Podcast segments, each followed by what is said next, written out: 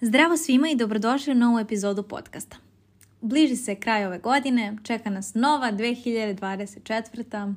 Prave se planovi, ciljevi, vision boardovi, ko šta voli i ko šta hoće. Međutim, iako sam krenula ovu epizodu ovako euforično sa pričom o planovima, ciljevima i da dodam i željama, neću se na to fokusirati ovdje. Ovdje ću se fokusirati na onaj deo koji ljudi manje vole, a to je proces dolaska do planova, do ciljeva i do praktično svega u životu. Do pomaka u psihoterapiji, do zdravog odnosa, do sigurnog odnosa, do trudnoće, do biznisa, do firme koja prebacuje x, y para godišnje. Sve su to neki procesi. Gdje god se okrenemo oko nas, za nešto je potreban proces. Ja ovo snimam na stolu, znači bio je potreban proces da bi ovaj sto izgledao ovako. Neko je morao i da seče, i da lepi, i da namešta, i da farba i tako dalje. Ljudi ne vole baš proces, ljudi ne žele da kupuju proces i to je prvo što će ti bilo koji biznis mentor reći. Ne, nemoj da im prodaješ proces. Ti moraš da im prodaš rezultat. Šta će oni dobiti nakon rada sa tobom? I sve to stoji, sve je to lepo, to su, da kažem, neki, neke biznis fore. Međutim, ono što se u stvarnom životu dešava je da ljudi čak i kad kupe program ili kupe bilo šta, da je to program, da je to kurs, da li žele da e, zarade xy para, promene posao, ostvare se kao majke, e, udaju se, nađu sigurnog partnera, nađu prijatelje, kupe auto, bilo šta možemo da navedemo. Za sve to je potreban neki proces, iako to izgleda kao da ti neko daje rezultat. To je nešto o čemu razmišljam ovih dana i nešto, neka tema koja je onako aktuelna i meni i koja se pojavljuje u radu mom, a to jeste upravo taj proces i koliko nam je važno da budemo u procesu. Na mojoj edukaciji pričali smo o tome kako gestalt ili ti gestalt e, psihoterapija neće dugo zaživjeti kao ni psihoanaliza, kao ni transakcionalizam analiza u smislu da KBT, REPT i druge neke dinamske terapije postaju sve popularnije. Ne kažem da moja, da kažem moj izabrani pravac neće preživeti, naravno terapeut nema samo jedan pravac i to svi znaju. Možemo da idemo na koliko god hoćemo pravaca, da, da ih kombinujemo, to je čak i poželjno i slično. Međutim, e, iza svega toga krije se jedna tužna činjenica, to je da je čak brzina došla i do terapije. Da ljudi više nemaju živaca, vremena, snage, da sede, da pričaju s nekim, da taj proces traje nedeljama, taj proces traje godinama, da budemo negde tačni oko godinu i po do dve, koliko je potrebno za neku veću promenu. Sve zavisi naravno od osobe do osobe i koji ide kojom brzinom i koji ima koliko paketića da odmotava u sebi. Ali nekako mi se čini da ljudi su izgubili strpljenje za proces. Sada nema više uživanja u tome da odeš na neko mesto, na primjer u Pariz, i da ne znaš ništa o Parizu. Ili da odeš na Novi Zeland i da ne znaš ništa o Novom Zelandu ljudi planiraju non stop, a ništa ne isplaniraju. Ali non stop gledaju što drugi ljudi rade, gdje kako se ko slika, šta vidjeti, šta obići. Možda bude zabavno i radoznalo i sama sam to radila. I onda sam nekako ove godine shvatila koliko mi se to više ne radi. Ovo je neko moje lično mišljenje, naravno ne mora svako da ga prihvati, niti je moj podcast najoriginalniji ni najbolji na svetu. toliko postoji sad podcasta i psihoterapeuta i koučeva sve već viđeno i sve već čuto, ali mislim da mnogo malo ljudi staje iza svojih stavova, izražava svoje mišljenje. Veoma je lako reći, e, granica je kada x, y, z. A veoma je teže reći, ja se možda ne slažem da svi terapeuti imaju granice. Ja se možda ne slažem da svi psihijatri imaju granice i da znaju kako da postupaju sa klijentima. A nažalost, to se viđa u praksi. Viđa se svašta, mislim, u svim poslovima. Elem, da se mi vratimo na temu ove mini podcast epizode, mada možda neće biti mini, zavisi koliko se raspričam, a to jeste proces.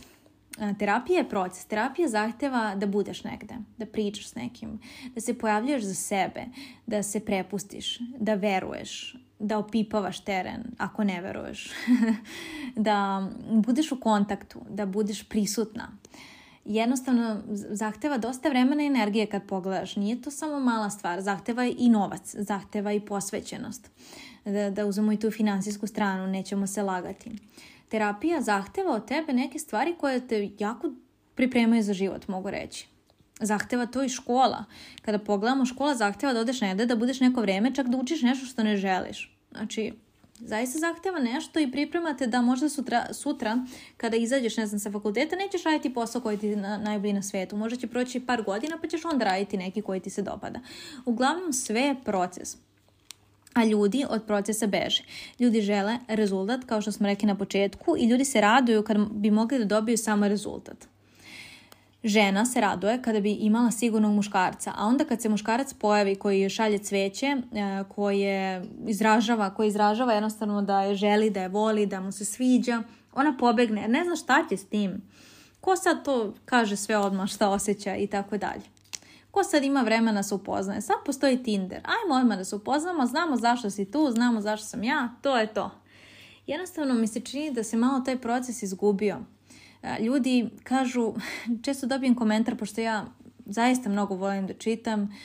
Nekada sam osjećala da to kažem mm, iz...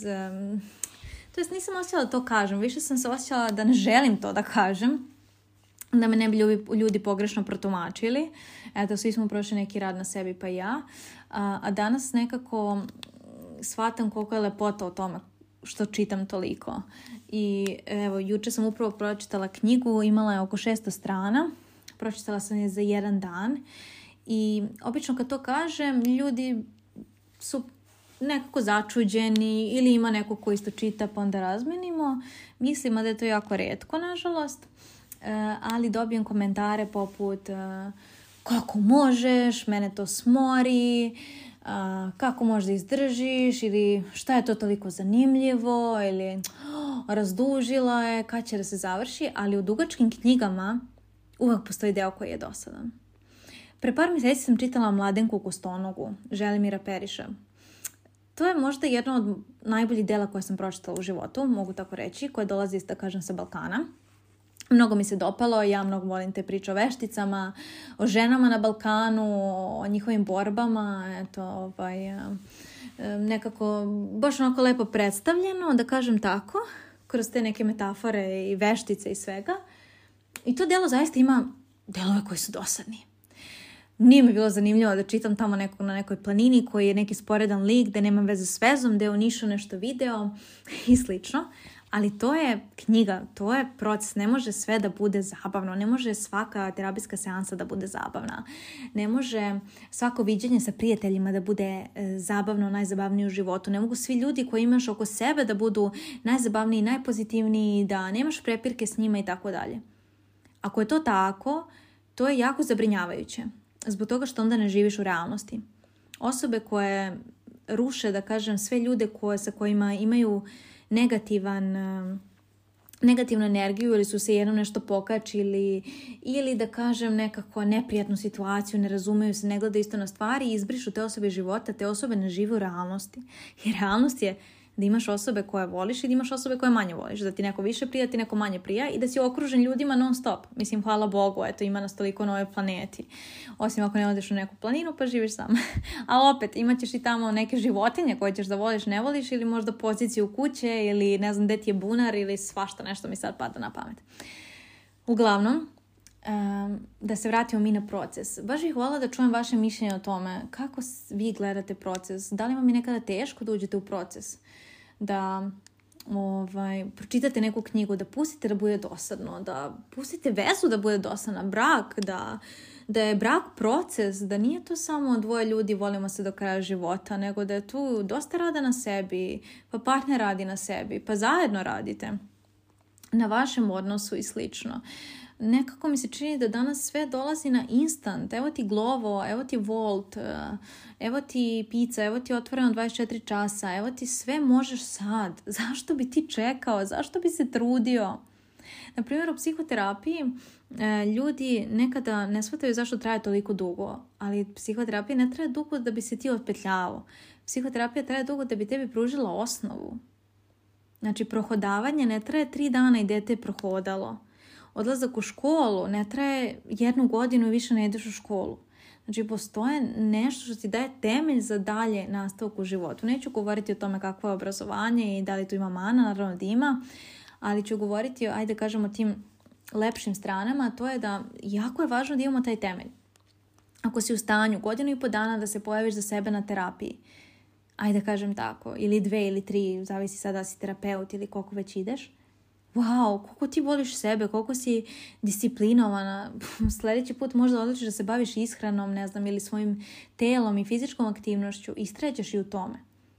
Zašto? Pa zato što imaš to iskustvo da je moguće da, da veraš u proces, da, da možeš da se promeniš, da, da, da ćeš moći da se pojaviš za sebe, da ćeš kad obećaš sebi da nećeš jesti džubre od hrane, i rafinisan šećer, da ćeš zaista ustati i reći ja sad, ne znam, 100 dana neću jesti šećer ili od danas ću 6 mjeseci biti na tom planu ishrane da ga isprobam ili 3 mjesta. Sad sve zavisi kakav je plan i kako je tvoje tijelo na kraju krajeva. Pošto sam odužila, ovdje ću nekako završiti, sklopiti priču i staviti zapetu, pošto ne želim da stavim tačku, želim da čujem i vaše mišljenje, da li vi ili vama bliski ljudi osjećaju nešto tako, da li primećujete da ste upali u proces, da puštate da budete u procesu, da ga zaista doživite, da se povučete, integrišete ili samo skačete sa zadatka na zadatak, sa planera na planer, sa knjige na knjigu, sa podcasta na podcast.